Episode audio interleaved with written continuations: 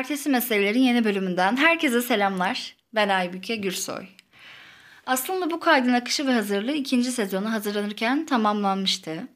Ee, ve ikinci sezonun ilk bölümü olacaktı. Defalarca kayıt, o bu şu derken bir şey oldu. Bir şey daha oldu.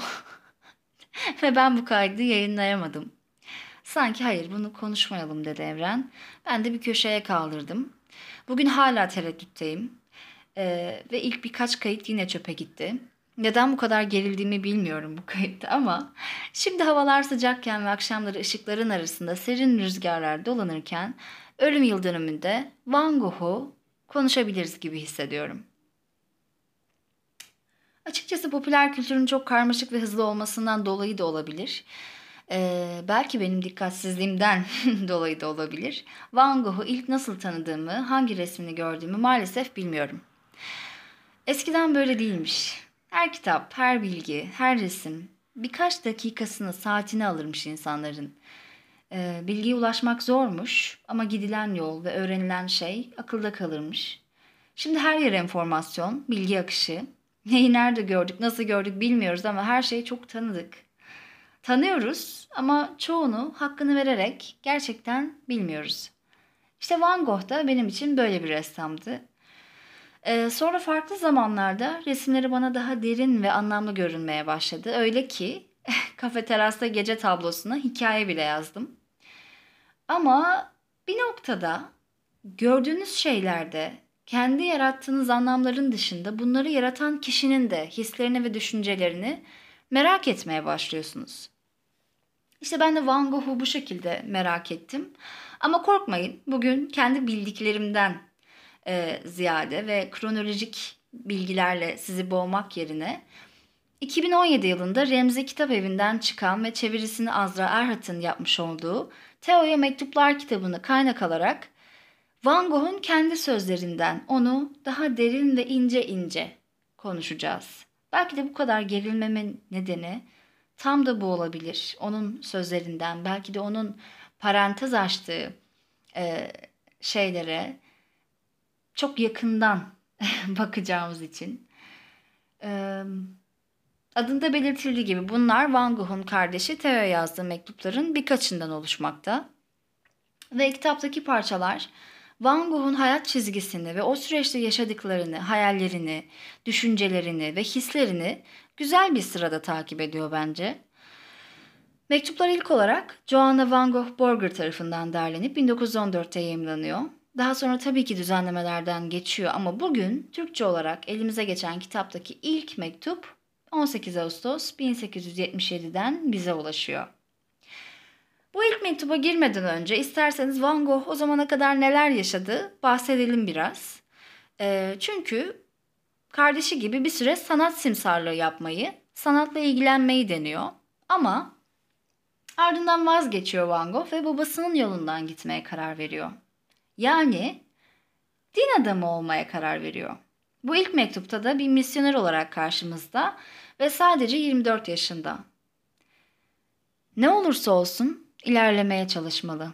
İyi bir vaiz olmalıyım diyor mektubunda. Ama aralarda hala ressamlardan, resimlerden ve figürlerden konu açıyor. En çok da Fransız ressam Jean-François Millet'i ve onun yerel tabaka insanları gerçeklikle resmetmesini övüyor aslında. E, çünkü zaten o da sürekli çalışan işçilerden bahsediyor. Yoksulluktan e, ve aslında babasının sözlerinden örnek verip e, onun sözleriyle yaşayarak geçiriyor bu dönemini. Belki de bunalımını. E, şöyle bir baktığınız zaman o zamanlarda uzanılan bir el, sevilen iyi bir insan olmak istiyor. E, olduğu yerdeki insanları da böylece çok yakından takip ediyor ve onlarla ilgileniyor.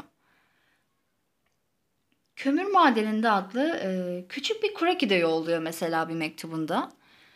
Yolda giderken gözüne çarpan sayısız şeylerin kaba taslak krokilerini çizmek istiyor. Ama bu onu asıl işini yapmaktan alıkoyar korkusuyla hiç girişmiyor. Ve sonra hazırladığı vaazı hakkında konuşmaya başlıyor. Aslında bir ikilemi var. Sanki kararsızlık içinde. Henüz yapmayı sevdiği şeyden emin değil ama seçtiği şeye de sadık kalmak istiyor. Yine de tabii ki yavaş yavaş sanat hakkındaki düşünceleri daha güçlü hale geliyor Van Gogh'un. Ne çok güzellik var sanatta. İnsan gördüğünü aklında tutabilirse her zaman düşünerek yapacak bir iş bulur kendine. Yalnız kalmaz hiç. Gerçekten yalnız sayılmaz. Belki de vaiz olmayı seçmesinin nedeni de bu düşüncede yatıyordur. Yani yalnız kalmak istemediği için kendisini insanların sevebileceği bir konuma taşımak istiyor. Ama rahatsızlıkları da gün geçtikçe artıyor. Hayatımda bir düzelme olsun, bir ilerleme olsun. Buna can atmıyor muyum? Buna gereksinmiyor muyum acaba? Bunu yazar 15 Ekim 1879'daki mektubunda. Çünkü bunu bu şekilde söyleyen insanlar vardır belki de çevresinde. Tam da o dönem e, Van Gogh kötü bir hekimin eline düşmekten, yanlış ilaçlar kullanmaktan korktuğunu da yazar. Net bir kuşku dönemine düşer aslında. Yaptığı işten ziyade e, daha çok sanata yönelir böylece ve sonunda 1881'de Hollanda'ya ailesinin yanına döner. Ama bu Hollanda'ya dönüş Van Gogh'da daha büyük bir keder ve yara açacaktır. Aslında bu belki de Van Gogh'un olmaz denen bir şeydeki ilk büyük ısrarıdır. Birçoğunuzun da bildiği gibi burada kuzeni K'ya aşık olur ve K, da, ve K dahaca yeni boşanmış ve bir çocuğu vardır ve Vincent'ı hiçbir şekilde kabul etmez. Ama Van Gogh hayır hiçbir zaman sözünü ciddiye almaz ve beni sevinceye kadar onu sevmeye kararlıyım diye yazar Teo'ya. Ee, bu dönemdeki mektuplarda aslında benim en çok böyle dikkatimi çeken e, paragraf 7 Eylül 1881'deki mektupta geçiyor. Diyor ki, aşk gerçekten olumlu bir şeyden, güçlü bir şey. Öylesine var olan bir şey ki, seven insan nasıl canına kıymazsa bu duygusunu da atamaz içinden. Ama diyeceksin ki, canlarına kıyan insanlar vardır. Ben de derim ki, ben bu çeşit eğilimleri olan biri değilim sanıyorum. Gerçekten o zamanlar böyle düşünen bir adam Van Gogh. Hevesli ve ısrarcı biri.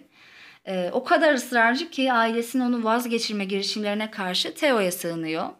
K'dan vazgeçmemeyi aşka bağlılık, e, kendini tam adamak ve hislerinin hakkını vermek gibi görüyor bir yerde. Vazgeçerse yarım bir insan olacağının kanaatinde çünkü. E, inanan bir insanı vazgeçmiş bir insana ye tutuyor ve kendini bir yaşam mücadelesi yaratıyor. Aslında e, şu ana kadar bunu anlamak bana çok zor gelmiyor. E, o zamana kadar hep görünmeyen şeylerle, işte belki varlık bunalımı, belki kötülük, sefalet, acımasızlık, yoksulluk gibi durumlarla savaşan biri, e, fırsatını bulduğu ilk anda muhatap alabileceği ve görünebilen bir mücadele yaratıyor kendine. Belki de K onu kabul etseydi çok kısa sürecekti bu aşk. Kim bilir. 1882 yılında 29 e, yaşına gelmişken artık kendini tamamen çizime ve resme adamış bir adam var karşımızda. İşte Lahey'de Anton Mau'dan dersler almaya başlıyor ve buradaki mektuplarda fırçaya bir türlü alışamadığını ve fırçadan nefret ettiğini yazıyor Van Gogh. Ama bildiğimiz gibi sevmediği için bundan vazgeçmiyor. Daha çok figürler üzerine yoğunlaşıyor, e, peyzaj çalışmaları yapıyor. Sadece 7 ay sonra artık nesnelere bakıp onları güzel bulmanın ve onları çizmenin büyüsüne kapıldığını söylüyor kardeşine. Ee, bu arada ders aldığım Mav'la ben bir sanatçıyım sözü yüzünden araları açılmış durumda. Bu sözü geri almayacağından bahseder Van Gogh. Çünkü sanatçıyı hep arayan ve yetkini hiçbir zaman bulamayan insan olarak tanımlar. Ama yine de Mav'un bu sözlerine çok derinden kırılır. Artık Mav ona ne söylediyse. Ee, aslında böylece e, sözlere karşı ne kadar dikkatli ve hassas bir duruş sergilediğini de görmüş oluyoruz Van Gogh'un. Bu zamana kadar mektuplarındaki sözleriyle karşımıza çizilen Van Gogh'da e, şunlar var elimizde. Görebildiği her şeyle büyülenen ve yaşama böylece tutkuyla ve istekle bağlanan bir adam Öyle ki 24 yaşında yorgun ve yoksul işçileri izlemek bile ona yaşam hakkında bir sebep ve umut veriyor. Ama aynı anda ona ihanet eden başka bir organı var. Kulakları. Gördükleriyle aşık olup yaşama bağlanan ama duyduklarıyla yaralanan bir adam Van Gogh. Mao ona sert bir şekilde çıkışınca şöyle yazar Theo'ya. Kulaklarım var, bilirim. Theo, bana pis bir huyun var derlerse ne yapmalıyım?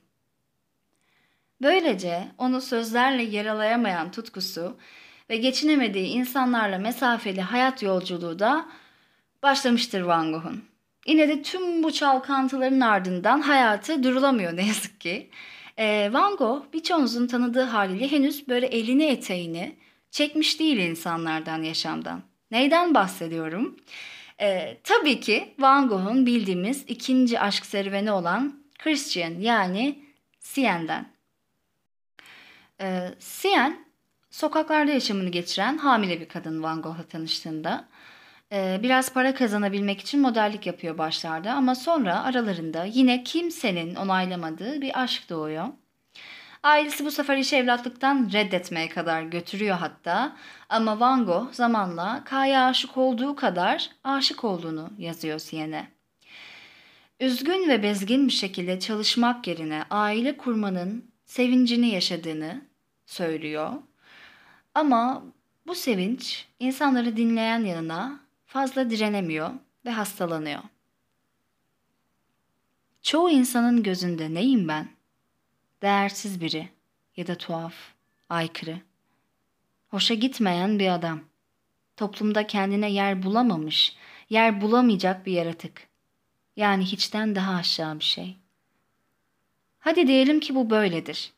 Ben de inadına böyle değersiz, böyle aykırı bir adamın gönlünde neler bulunduğunu göstermek istiyorum eserlerimde, der Van. Sien terk eder onu. Hayattaki tek büyük inancı ve dayanağı resim olur. E, acı ve karamsarlık duyguları da ağır basmaya başlar iş dünyasında. Yine yoksul köylüleri, acı çeken insanları daha çok gözlemler. En çok ilgilendiği ve mektuplarında bahsettiği iki ressam da bu ilgisini besleyen ressamlardır. Jean-François Millet ve Henri de Gros. Özellikle Millet için köylü toplumunun aynası diyebilir Van Gogh. Belki başak toplayan kadınlar resmini de birçoğunuz görmüşsünüzdür Millet'in. Ee, kendisi Van Gogh'un hem resimleri hem de sözleriyle çok sevdiği bir ressamdır. Ee, ve bu yüzden mektuplarında 214 kez adı geçer Millet'in. Van Gogh onun tablolarındaki kahverengi sarı tonlarını, e, toprağa bulanmış insanlarını, o insanların gerçekliğini tutkulu bulur ve o çok ünlü tablosunu da bu sıra ortaya çıkarır. Patates yiyenler. Bu resim e, bana çok güzel geliyor ve çokça da gerçekten Miles olmuş gibi. E, Van Gogh'un düşünceleri de zaten aynen bu şekilde. Renkler, insanlar sanki Mile'nin tarlalarından getirilip bir yemek masasının etrafında toplanmış gibi. Ama sanki daha güçlü bir duygusu var. Ee, özellikle insanların yüzü ve ifadeleri. Ee, ve en önemlisi elleri. İsterseniz iki dakika resmi açın önünüze. Van Gogh, Theo yazdığı mektubunda e, özellikle bir ışığın altında patatese uzanan bu insanların ellerinden bahseder. Çünkü bu insanlar elleriyle o patateslerin toprağını işlemiş insanlardır. Ve şöyle der. İstedim ki biz uygar insanların yaşayışından bambaşka bir yaşayışı canlandırsın. Onun için herkesin bu resmi güzel ya da başarılı bulmasını beklemek aklımdan bile geçmiyor. Belki o dönemin sanat camiasında esamesi bile okunmaz bu resmin ama Van Gogh buna çok da takılmaz ve bolca renklerle oynamaya başlar. O kadar enteresan bir insan ki o sıra böyle renklerle oynarken, renklere kapılmışken çizdiği bir tabloyu satmaya kıyamaz ve almak isteyen adama hediye eder. Resimlerinin iyi olup olmadığından hala emin değildir. Yine de sürekli boyalarla uğraşır. Var olan akımlardan, sanat anlayışından, insanlardan, toplumdan, yönetimlerden tamamen şikayetçi bir şekilde onun gibi insanların bir araya gelerek sanat ve hayat adına başarılı şeyler yapabileceği düşüncesi uyanmaya başlar kafasında. Ve 1888 Arles Van Gogh'un en verimli dönemlerine giriş yapmış bulunuyoruz. Yıldızlı geceler, siestalar, bahçeler, barlar ve daha nicelerini burada çizmiştir. Ama eserlerinden önce Van Gogh'un Arles için ilk izlenimine de bakalım mı? Diyor ki, çok pis bir şehir, hele ki eski sokakları. Dilere destan şekilde bahsedilen kadınlarının aslında biraz sıkıcı ve hoş olmadıklarını ekliyor. Ama yine de yapıcı bir gözle diyebileceğimiz şeyler de söylüyor tabii. Mesela orada yapılacak en iyi şeyin kadın ve çocuk portreleri yapmak olduğunu yazıyor ve ekliyor. Bunu yapacak olan ben değilim gibime geliyor. Bunun için yeterince Bellamy tipi biri değilim. Ee, insanlarla kaynaşan, kur yapan, neşeli, fıkır fıkır bir adam olamamak yine onu hem yalnızlığa hem de doğaya itiyor böylece. Evlenmek, çocuk sahibi olmak yerine boya ve alçıyı seçmiş bir adam olarak en azından seçtiği yolda bir farkındalık, bir güzellik yaratma düşüncesi artık daha güçlü bir fikir. Ee, ve bu yüzden onun gibi empresyonistlerin toplanıp çalışabileceği bir atölye hayal etmeye başlıyor. Ama bu da kolay bir hayal değil Van Gogh için. Ee, düşünürken daha da umutsuzluğa düşüp hastalandığı zamanlar oluyor.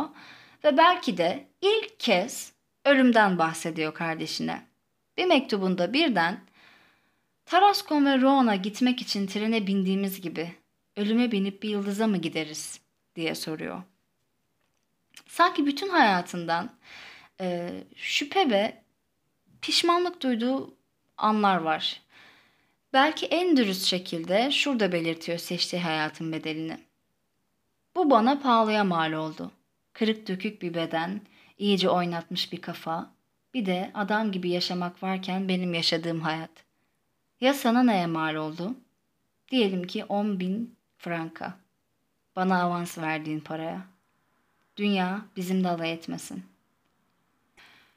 İnsanların hiçbir zaman hayatına adadığı sanatını önemli ve anlamlı görmeyeceğini düşünmek, tüm bunları Fata Morgana'ya yani onun deyimiyle batmış bir insanın hayaline dönüştürüyor. Ve artık başka bir yaşam şansı da görmüyor açıkçası kendisi için. Misyonerliği bıraktıktan sonra resme sarılması gibi resimden sonra seçebileceği bir hayat ya da tutku bilmiyor. Ve çizdikçe çiziyor. 1888 sonbaharında Arles sokaklarında ve gecelerinde dolaşırken o meşhur Yıldızlı Gece üçlemesini tuvallerine kaydediyor. Yıldızlı Gece, Kafe Terasta Gece ve Ron Nehri'nde Gece. Ee, üçü birbirinden güzel eserler bence ama herkesin kendine göre daha özel ve güzel bulduğu bir tablo vardır. Vardır değil mi? Benim için mesela e, bu kafe terasta gece tablosudur. Üç resim arasında insana en yakın olduğu tablodur bence Van Gogh'un. Kuş bakışı yeryüzü seyahatleri ya da gökyüzüne dalmalardan ziyade ayaküstü bir yolu görürsünüz. Ee, gece olmasına rağmen parlak olan sadece yıldızlar değildir. Ee, yerdeki kesme taşlar, kafenin duvarlarından, masalarından, etrafındaki insanlara kadar herkes ve her şey aydınlık içindedir. Sarı sıcak bir cümbüş içinde. Yolun kıyısındaki ağacın bile yaprakları yemyeşildir. Ee, uzaktaki evlerin odalarından lambalar ışıldar. Bu tablo her şeyin ötesinde yalnız değil gibi. Aksine her ne kadar hepsini uzaktan izleyen bir göz tarafından çizilmiş olsa da e, bir mutluluk anlamı ve hissi var sanki. Van Gogh da mutlu olacak bir şey buluyor yine o sıralar. Meşhur ressam Gauguin geliyor e, ve birlikte tıpkı hayallerinde kurduğu gibi resimler çizmeye başlıyorlar. Birlikte resim çizdikleri süreç ve her iki sanatçı için de e, çok verimli bir süreç. Ve ayrılıkları da bildiğiniz gibi dramatik bir şekilde gerçekleşiyor. Olan biten e, birçok şey biraz spekülasyon, kurmaca ya da bozulmuş gerçeklik gibi bize ulaşıyor. Her ne kadar Van Gogh'un hasta olduğunu resimlerinden ve satırlarından tahmin etmeye çalışsak da aslında gerçekten ne durumda olduğu ve nasıl olduğunu bilemeyiz. Yani o yüzden aslında Gauguin'le kavga sebebi ve şiddeti de bir muamma bence.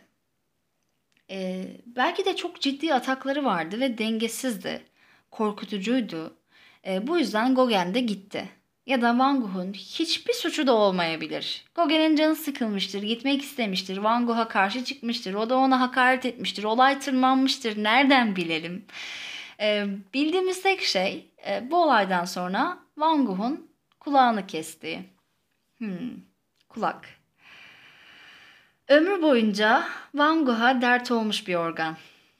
Ne yaşadığı bilinmez ama belki de Van Gogh'un duymaya katlanamayacağı şeyler söylendi ona. Kulaklarım var, bilirim Theo. Pis bir huyum var derlerse ne yapmalı diyen Van Gogh en sonunda kulağını kesti ve Gauguin'e verdi. Acaba bu şekilde ne demek istemişti? Ya, söylediklerini duyacak bir kulağım yok artık. Al. Şimdi kırılamam senden yana mı? Çok müşairane oldu. Dikkat edin. Van Gogh hem resimlerinde hem de mektuplarında oldukça duygulu ve dramatik bir karakter zaten. Ee, kulağını kesmesi de bunun gerçek bir delili daha. Bu olaydan sonra tabii ki hastaneye yatırılıyor ve ne yazık ki hayatı dibe çekilen hızlı bir tren gibi gerçekliklerin ortasına çakılıyor. Kaçışı da çözümü de ona göre resim çizmek ama buna bile gücü ve imkanı yok. Yıllardır hissettiği yük olma duygusu, başarısızlık, zayıflık ve hastalık hep beraber sırtına binmiş vaziyette. Yine de e, yine de bunlardan bahsetmek yerine kardeşine yazarlardan, havalardan, tiyatrolardan bahsediyor. Mektubunda hastanede izin verdikleri kadar resim çizdiğini söylüyor. Charles Dickens'ın Noel hikayesini okuduğunu da ekliyor. Ee, hastanede olduğu sırada evini su basmış ve duvarlar rutubetten kararmış. Bu da Van Gogh'un e, o evle ilgili yıkılan hayallerinin gerçek bir fotoğrafı olur aslında. Evinin bu hale gelmesinden dolayı da kendini suçlar. Tüm felaketlere, kendi zayıflığının sebep olduğunu ve korumak istediği hiçbir şeyi koruyamadığından bahseder Teo'ya. Gerçekten de öyle değil mi? Ee, buraya kadar hayatında ayraç gibi duran şeylere bakalım şimdi kısaca. K'ya olan aşkını herkese rağmen sürdürmek istedi ama yapamadı. Sien'i korumak istedi ama elinden kayıp gitti. Hayallerini gerçekleştirmek istedi ama kendine ve bedenine sahip çıkamadığı için dağıldılar. En sonunda resimlerini korumak istedi ama onlar da ya insanlar tarafından parçalandı ya da polis tarafından haczedildi. Ve sonunda evi de zamana yenildi. Tıpkı onun gibi. Birkaç sene önce var gücümüzle gerçek, içten bir hayat sürmeye çalıştık mı her şey yoluna girer diyen insanın bedeni de tıpkı evi gibi su almış, çökmüş ve umutları yok olmuştur. Ardından hastaneye döndüğünde beklediği, düşündüğü hiçbir şey yoktur sanki. Tabiri caizse sadece deli gibi resim çizer. 12 Şubat 1890'daki mektubunda gerçeklerden uzaklaşarak resim çizmeyi, renklerle bir çeşit müzik yapmaya benzetir ve bunu neden yapmadığını da ekler. Ama gerçek benim gözümde öyle değerli ve gerçeği vermeye çalışmak öyle çekici ki renklerle müzisyen olmaktansa kunduracı olmak daha iyi sanıyorum. Hem ne olursa olsun gerçekçi kalmak beni hala ürküten hastalığa karşı savaşımda bana bir silah olabilir belki.'' bütün sanat hayatını ve aslında neden gerçeği her daim talep ettiğini sanki tek bir paragrafta toplamış Van Gogh değil mi? Böylece resim yapmayı aklının bozduğu gerçekliğe ve yaşamına tutunabilmek için bir araç olarak kullanır aslında ve belki de son anına kadar resim çizmesinin sebebi de budur. Yani onun için kendisiyle ve bu hastalıkla son anına kadar mücadele halinde kalmış, vazgeçmemiş bir insandır diyebiliriz. 1890 yılında e, ölmeden biraz önce bir mektup gelir Gauguin'den Van Gogh'a ve Van Gogh büyük bir sevinç ve şükranla cevap yazar. Onunla birlikte çalıştıkları desenlerden çıkardığı resimleri, sel ve ağaç resminin detaylarına kadar heyecanla yazar. Sonra da yapmayı planladığı buğday etütlerinden bahseder ve bitirir mektubunu. Başka hiçbir şeyden bahsetmez. Gerçekten de buğdayları çizmeye koyulur ve o çizdiği buğday tarlalarından birinde vurulur. Tarih 27 Temmuz 1890'dır. Vincent van Gogh hemen ölmez. Hatta bazı söylencelere göre kalkar ve yürüyerek hastaneye gider. Ee, ancak kurşun kaburgalarından bel kemiğine kadar gitmiştir ve o an onu çıkaracak bir hekim de bulunmadığından yaraya kısmi bir şekilde müdahale edilir. Ertesi sabah kardeşi Theo yanına geldiğinde hayattadır ama yarası enfeksiyon kaptığı için vurulduktan 30 saat sonra 29 Temmuz sabahının ilk saatlerinde hayata veda eder. Theo'nun söylemesine göre kardeşinin ölmeden önceki sözleri şunlardır. La tristesse dure toujours. Yani hüzün sonsuza dek sürecek. Van Gogh'un üzerinde bulunan son mektubunda aleni bir intiharın izini göremeyiz. Yani kardeşine gönderdiği 50 frank için teşekkür eder. Sanat için eriyen aklının kalan yarısıyla sevgisini gösterir. Ve o sevginin adresi olan Theo Van Gogh da kardeşinin vefatından kısa bir süre sonra var olan hastalıklarının ilerlemesi sonucu vefat eder. Böylece bu iki hayalperest ve umut avcısı adamın sayfaları onlar için kapanmış olur. Van Gogh'un hayatında hüzün bir seçim miydi bilemeyiz ama kesinlikle saf bir gerçeklikti. Ve hangi sıfatla ne yaparsa yapsın hep bu acıların bir şekilde göstericisi, aracı ya da avutucusu olmayı seçtiğini görebiliyoruz. Gerçekten kendini vurmuş ya da bazı incelemelere göre başkası tarafından vurulmuş bile olsa o an yanında tuvali ve boyaları vardı. Yani son ana kadar hayata, gerçekliğe tutunmaya çalışarak mücadelesini sürdürdü Van Gogh. Tüm bu hayat hikayesine baktığımda e, bazı hayallerin gerçekleşmemesinin onların ne kadar güzel olduğunu değiştirmediğini anlıyorum. Van Gogh'un yaşarken hayalleri gerçekleşmemiş ama hepsi çok güzelmiş. İşte bugün hediyelik eşya dükkanlarındaki bardaklarda, e, kıyafetlerde, defterlerde, kalemlerde, duvar halılarında, sokaklarda, kafe duvarlarında gördüğünüz Van Gogh resimleri bir zamanlar onun hayaliydi. Bir şeyin taklit edilmesinde sakınca görmediğini mektuplarında yazıyor ama bununla makinelerin seri üretimini mi kastetmişti onu da bilemeyiz tabii ki. Gerçekten ne hissetti, ne düşündü hiçbir zaman bilemeyiz. Belki de hayatın insanlar için sürdürülebilir olmasını sağlayan en önemli şeylerden biri de budur. Ne kadar bir şeyleri, bir şeylerin yerine koysak da, koyulsak da kendimizden başka hiçbir şeyin düşüncesine ve hissine tam tamına sahip olamayacağız. Başka bir şey tasavvur ederken zihnimizde ve kalbimizde bir temsilini, anısını, kopyasını yaratırken bile bizce olacak o şey. Yıldızlı Gece ve daha yüzlercesi işte bunu bilen bir insanın fırçasından çıktı ve eminim bu resimlerde herkes biraz kendi hayalini, hüznünü, mutluluğunu, kendi sıcak gecesini, kendi bahçelerini ya da çiçeklerini gördü. En azından benim için e, bu hep böyle oldu. Vincent van Gogh'un resimlerinde her zaman bir miktar kendi hayallerimi ve hislerimi buldum.